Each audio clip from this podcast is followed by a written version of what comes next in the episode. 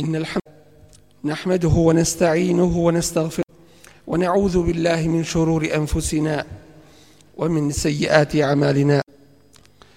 من يهده الله فلا مضل له ومن يضلل فلا هادي له.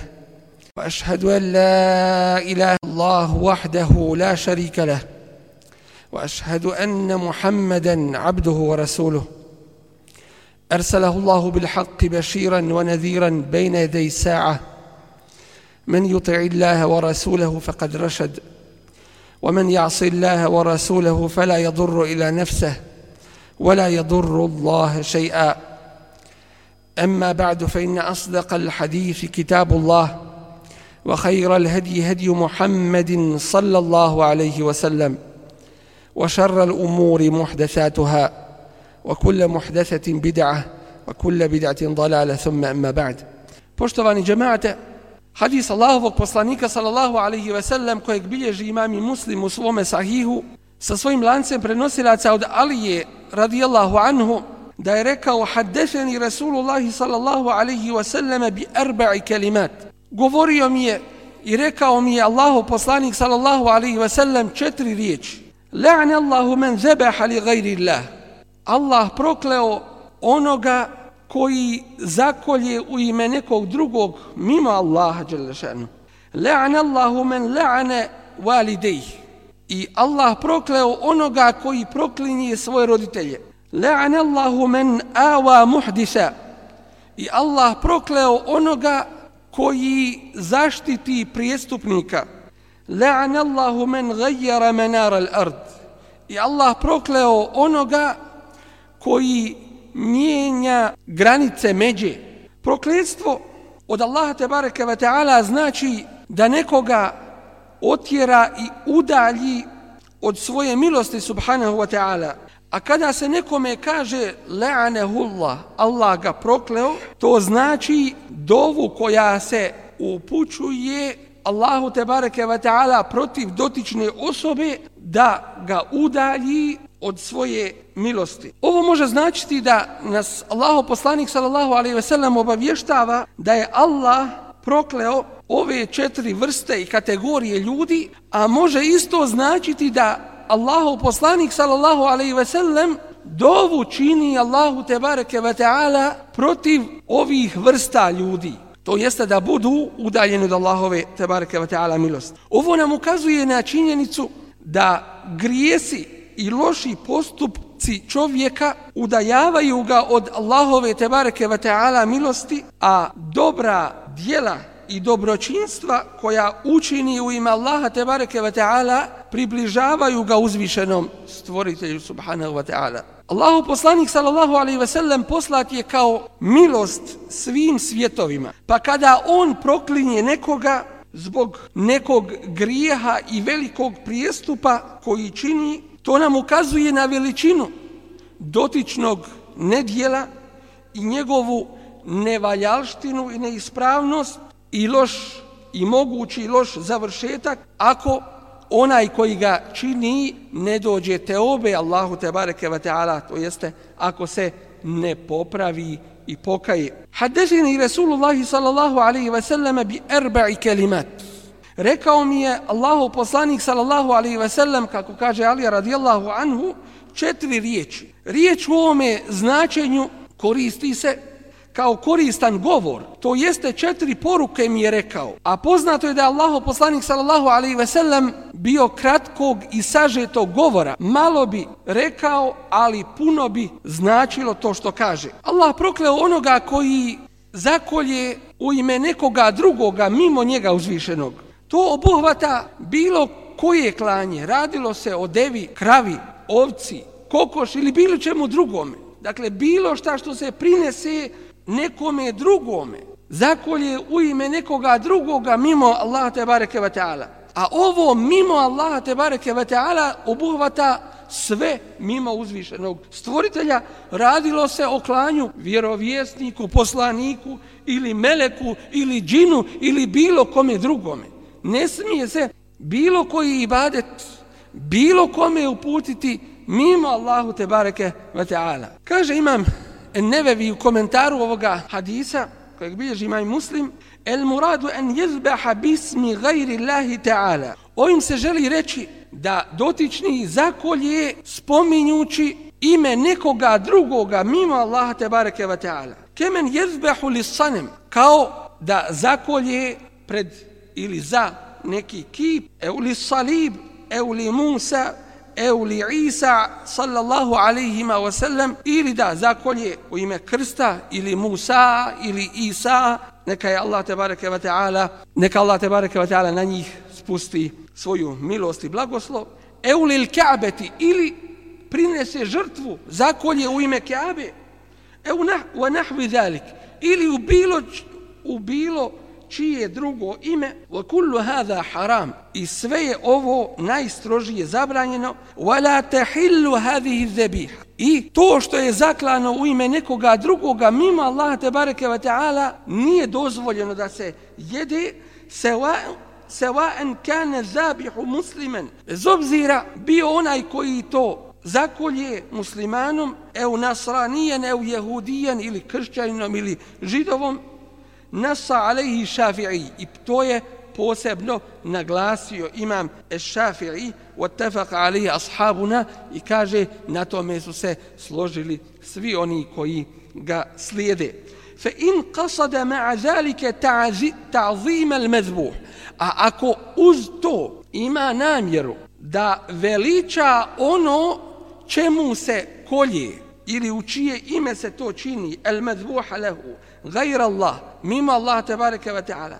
Wal ibadete lehu i ibadet dotičnome kane zalike kufran onda je to bez ikakve sumnje jasan i otvoren kufr fe in kane zabihu muslimen kable zalik. A ako onaj koji to čini ako je prije toga bio musliman sara bi zebhi murtedden tim klanjem nekome drugome mimo Allahu te bareke ve taala postaje otpadnikom od vjere. Šejhul Islam rahmetullahi alejhi kaže u kontekstu kuranskog ajeta innama harrama alaykumul maytatu wad-damu wa lahmul khinzir wama uhilla bihi li gajrillah. Kod ajeta u suri Al-Baqari 173. ajet kaže što u prevodu značenja glasi samo vam je isključivo vam je zabranio el mejtete strvinu, wa deme i krv, wa lahme khinziri i svinsko meso, wa ma uhille bihi li gajrillah.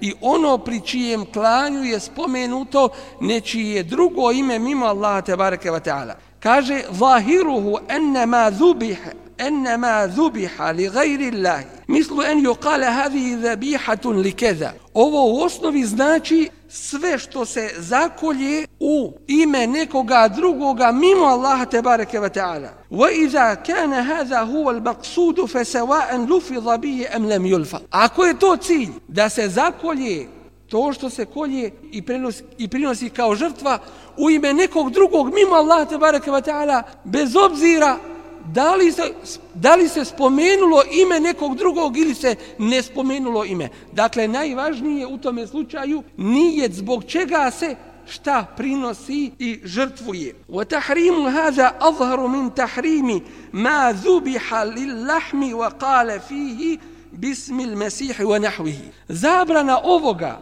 je jasnija i jača i veća od toga da čovjek zakolje nešto zbog samoga klanja, zbog mesa, da ga jede i da kaže prilikom klanja u ime Mesiha ili nekoga drugoga. To jeste na prvom mjestu i najvažnije jeste kasd, nije zbog čega radi. Pa čak ako kaže Bismillah u ime Allaha, ali nijet mu je da kolje džinu ili vladaru ili bilo čemu drugome, opet je to taj širk jer je osnova u tome svemu el qasd, ono što čovjek ima namjeru da čini. Dalje kaže kema ennema zabahnahu mutaqarribina ila Allahi kana azka wa a'zam mimma zabahnahu lil lahmi wa qulna alayhi bismillah. Pazite, ovo je vrlo važno isto tako. A mnogi ovo zanemaruju. Kao što je veće i važnije kada nešto zakolješ da to činiš u ime Allaha, veličajući uzvišenog stvoritelja i približavajući se njemu vel, iz ibadeta njemu uzvišenog. To je veće nego da zakolješ govoreći samo bismillah i želeći jesti to meso. Dakle, izgovarati bismilu, to je propis, ali to nije samo forma. Ono što ti čini ispravnim jeste upravo taj nijet zbog čega ti to kolješ. Pa kad prinosiš nešto kao žrtvu i kolješ, nemoj da to bude forma samo da izgovoriš bismillah, a cilj ti je da jedeš to samo meso i ništa više, nego neka ti je najveći cilj, a to je uz to bismillo da spomeneš uz spominjaj Allah te bareke ve taala da to bude taj čin ibadeta uzvišenom Allahu te bareke ve taala i veličajan njemu. Isto je kao ako se čovjek zakune, zakune nečim drugim mimo Allah te bareke ve taala ako mu to slučajno što se kaže izleti nije mu to bila namjera u tome neće imati ni grijeha doćim s tim što treba opet da se ispravi doćim ako mu je nijet u toj zakletvi da nečim drugim mimo Allah te bareke da, da veliča dotičnoga u tome slučaju je to otvoreni širka Allahu te bareke ve taala i na ovo posebno treba obratiti pažnju jer u nekim slučajevima se dešava da neki zanemaruju qasdul qalb i ibadetul qalb. Da neki zanemaruju namjeru srca i ibadet srca. Pa gledaju na vanštinu ljudskog dijela i ako čovjek u vanštini svoga dijela pogriješi ili kaže nešto ili uradi nešto što je neispravno, što može da bude u vanštini od dijela širka i kufra, polete da ga proglase kafirom, ne gledajući hal, situaciju u kojoj se nalazi i ne gledajući i ne, gledajući, i ne pitajući kasd i cilj u kojime se on nalazi. Pa kaže dalje šehhul islam rahmatullahi alaih fa inna ibadete Allahi bis salati lehu wa nusuki lehu a'zamu min al isti'anati bismihi fi khawatim fi fawatih al umur ibadet Allahu tebareke ve taala namazom prinošenjem žrtve i drugim veće je od izgovaranja bismile na početku nekoga dijela. Zašto? Jer u svakom slučaju i izgovaranje bismile ne smije biti formom, nego mora biti ibadetom da bude zaista iskreno u ime Allaha te bareke ve taala želeći se njemu uzvišenom subhanahu wa ta'ala približiti da to ne bude svakako forma. Fe kezalike shirku bis salati li ghayrihi wa nusuku li ghayrihi a'zamu min al isti'anati bismi ghairi pa tako i širk i kufr da čovjek klanja nekome ili kolje u ime nekoga je veći kufr i gore nego da kaže u ime nekoga drugoga mimo Allah te bareke ve taala. Dakle taj u osnovi ibadet i šta se, se želi time postići. Fa iza haruma ma qila fihi bismi al-masih aw zuhrati فلأن يحرم ما قيل فيه لأجل المسيح والزهرة أو قصد به ذلك أولى Pa kada je zabranjeno jesti ono što ili ono pri čijem klanju se spomene ime nekoga drugoga mimo Allaha, radilo se o Mesihu ili o zvijezdama ili bilo čemu drugome, ono što se zakolje u ime nekoga drugoga mimo Allaha te bareke ve taala je veće i gore nego samo to izgovaranje u ime nekoga drugoga mimo Allaha te bareke ve taala. Iako je ono samo po sebi gadno i i neispravno inna al-ibadata li ghayri Allahi a'zamu kufran min al-isti'anati bi ghayri Allah jer ibadet drugome mimo Allahu tebareke ve taala veći je kufr i nevjerovanje nego spominjanje nečijeg drugog imena ili podpomaganje nekim drugim i nečim drugim mimo Allah tebareke ve taala. Fa wa ala hadha falau ذبح لغير الله متقربا mutaqarriban ilayhi la قال wa in qala bismillah. I na ovome i iz ovoga saznajemo da ako zakolje u ime nekoga drugoga mimo Allaha te bareke ve taala sa nijetom približavanja nekome drugome mimo Allahu te bareke ve taala makar rekao bismillah makar rekao u ime Allaha haram je to meso jesti dakle šta je osnova ovdje cilj i šta si htio time da, postign, da postigneš. Ovo ćemo naći kod mnogih neznalica da često prinose žrtvu džinima da bi se od njih navodno sačuvali ili kako im oni sihirbazi govore da bi se izliječili pa prinose žrtvu džinima i tako širk čini Allahu te bareke ve taala. Neki ljudi kada kupe kuću ili sagrade kuću ili sazidaju bunar, zakolju kurban iz straha od džina da ih ne pogode kakvom nesrećom. Pa se kaže u tome slučaju da je to žrtva džinima. Doćim u slučaju ako čovjek zakolje u ime Allaha te bareke ve taala približavajući se njemu uzvišenom i zahvaljujući mu na blagodati izgradnje kuće ili radujući se Allahovoj dobroti koju mu je podario u tome slučaju nema nikakve smetnje niti neispravnosti. Dakle, gleda se kakav je cilj istoga. Isto tako ćemo vidjeti da neki ljudi stavljaju na čoškove kuće i u temelje krv od te životinje koja se žrtvovala, žrtvovala što je u osnovi negativnost i neispravnost. A ako se tome doda da neki smatraju da ta krv ih čuva od džida i šeitana, onda je to u osnovi neispravan je tikad i ubjeđenje i loše mišljenje Allahu te bareke ve taala da da će ga čuvati ta krva ne Allah te bareke ve taala i oslanjanje na nekog drugog mimo uzvišenog stvoritelja i širku uzvišenom te bareke ve taala Allah uzvišeni kaže fa salli li rabbika wanhar. I samo gospodaru svome klanja i bade čini i prinosi žrtvu. La'an Allahu men la'ana walidayhi. Allah prokleo onoga koji proklinje svoje roditelje. To obuhvata onoga koji proklinje svoga oca ili majku ili svoje pretke koliko god otišli i udaljili se. Dakle, djedove, pradjedove i tako dalje.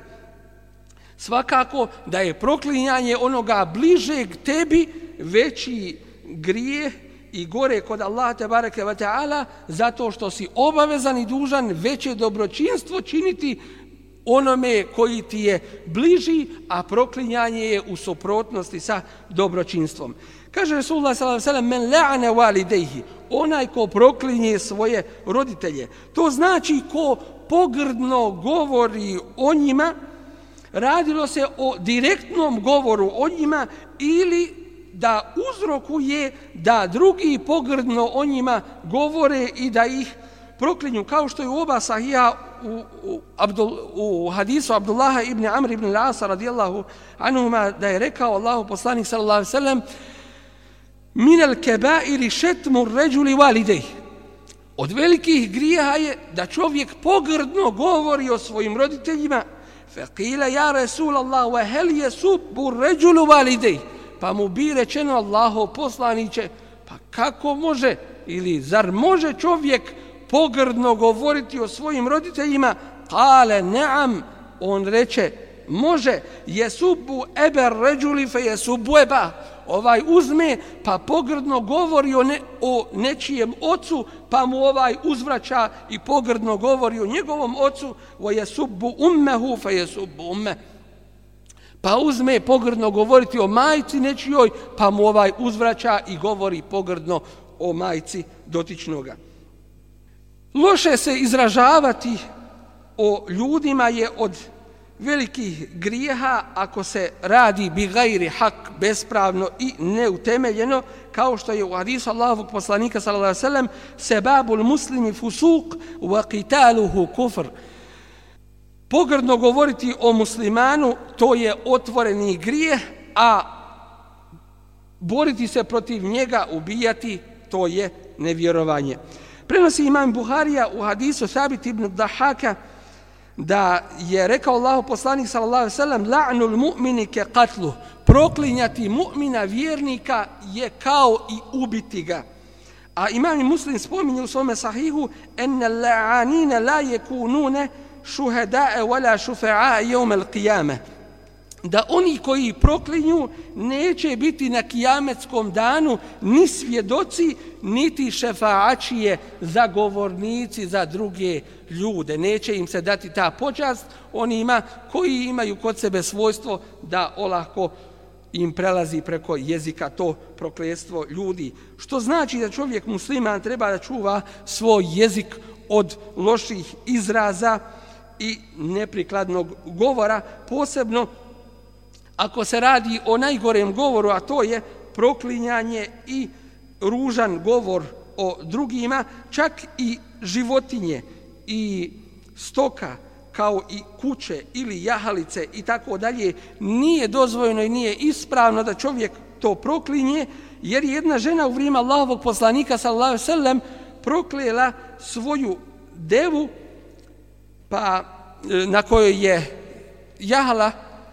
koja je nije slušala, pa je naredio Allahu poslanik, sallallahu sallam, da se sa te deve skine, skine ono što je natovareno i puštena je da hoda među ashabima, niko se prema njoj nije htio okrenuti. Dakle, kao pouku drugima da ne treba sa nama da ide ono što je prokleto i to je i nama svakako pouka, posebno onima koji olako proklinju. Čak se dešava, ne daj Bože, da čovjek, otac ili majka, da nekada u veliko ljutni proklinju svoju djecu, što je veliki musibet sa oba dvije strane, jedno što je prokletstvo, a, što je, a drugo što je dova roditelja, Kabul u pogledu njegovog djeteta, pa se treba toga posebno čuvati, a najviše što će čovjeka odvojiti u džehennemsku vatru upravo jeste ono što ljudski jezici zaradi. Molim Allah te barek da nas povuči svoje vjeri da nas učine doni sa kojim on zadovoljen. Kulu qavli hada wa astaghfirullah li wa lakum lisa'al muslimin min kulli dhanbin fastaghfiruhu innahu huwal ghafur. الحمد لله رب العالمين وصلى اللهم على نبينا محمد وعلى آله وصحبه أجمعين ثم ما بعد وناستف كوغا حديثا Kaže Allahu poslanik sallallahu alaihi ve sellem La'an Allahu men awa muhdisen Allah prokleo onoga koji dadne utočište prijestupniku to jeste koji ga prihvati i koji ga zaštiti. Ovo se prenosi u značenju men awa muhdisen što znači ko ga pomogne ko pomogne onoga koji učini neki veliki prijestup i komu dadne zaštitu i sigurnost od onoga koji mu se suprostavlja i koji spriječi da se kazna nad takvim prijestupnikom izvrši.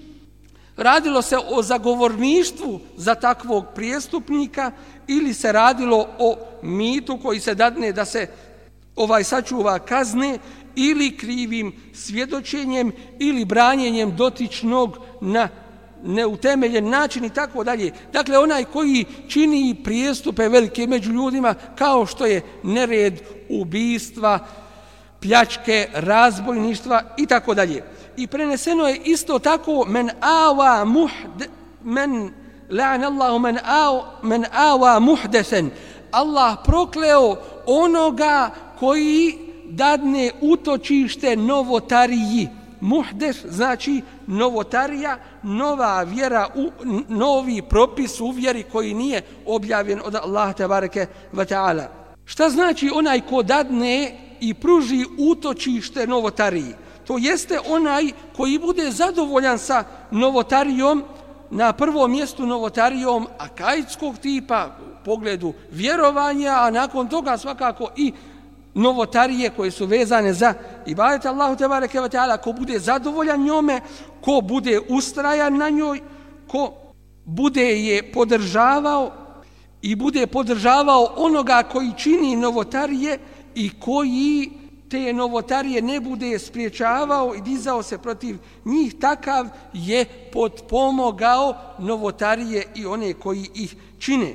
Onaj koji čini novotariju uvjeri svakako da je gori od onoga koji čini prijestupe u pogledu ljudi. Jer hurmet i svetost vjere je veća i preća kod Allaha te bareke ve taala. Tako da onaj koji dadne utočište novotariji i onome koji ih čini svakako da čini najveći grijeh i prijestup.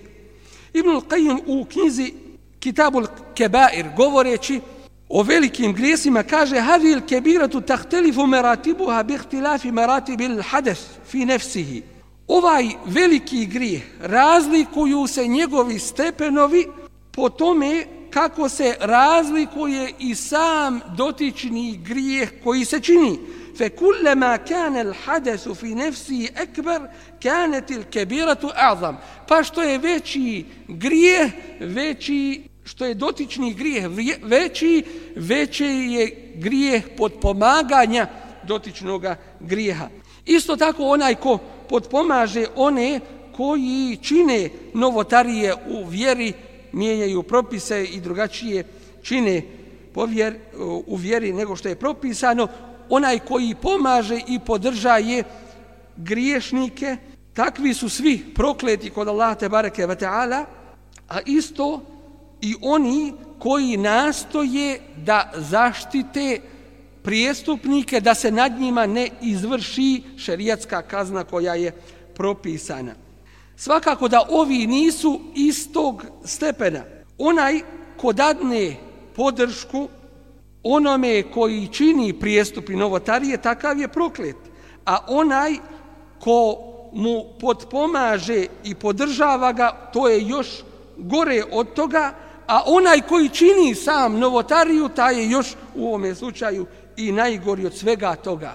Dakle, sve su to različiti stepenovi prokljestva kod Allah te bareke ve taala. I zato je Allah poslanik ali sad selam na više mjesta, u više prilika upozorio da se ljudi čuvaju novotarija i rekao yakum muhdesatil umur fa inna kull bid'atin dalale. Čuvajte se novotarija uvjeri jer svaka novotarija jeste dalalet krivi put kako to bilježi imam Ebu Davud, imam Ibn Mađe, imam Tirmizi kaže Hasanun Sahih.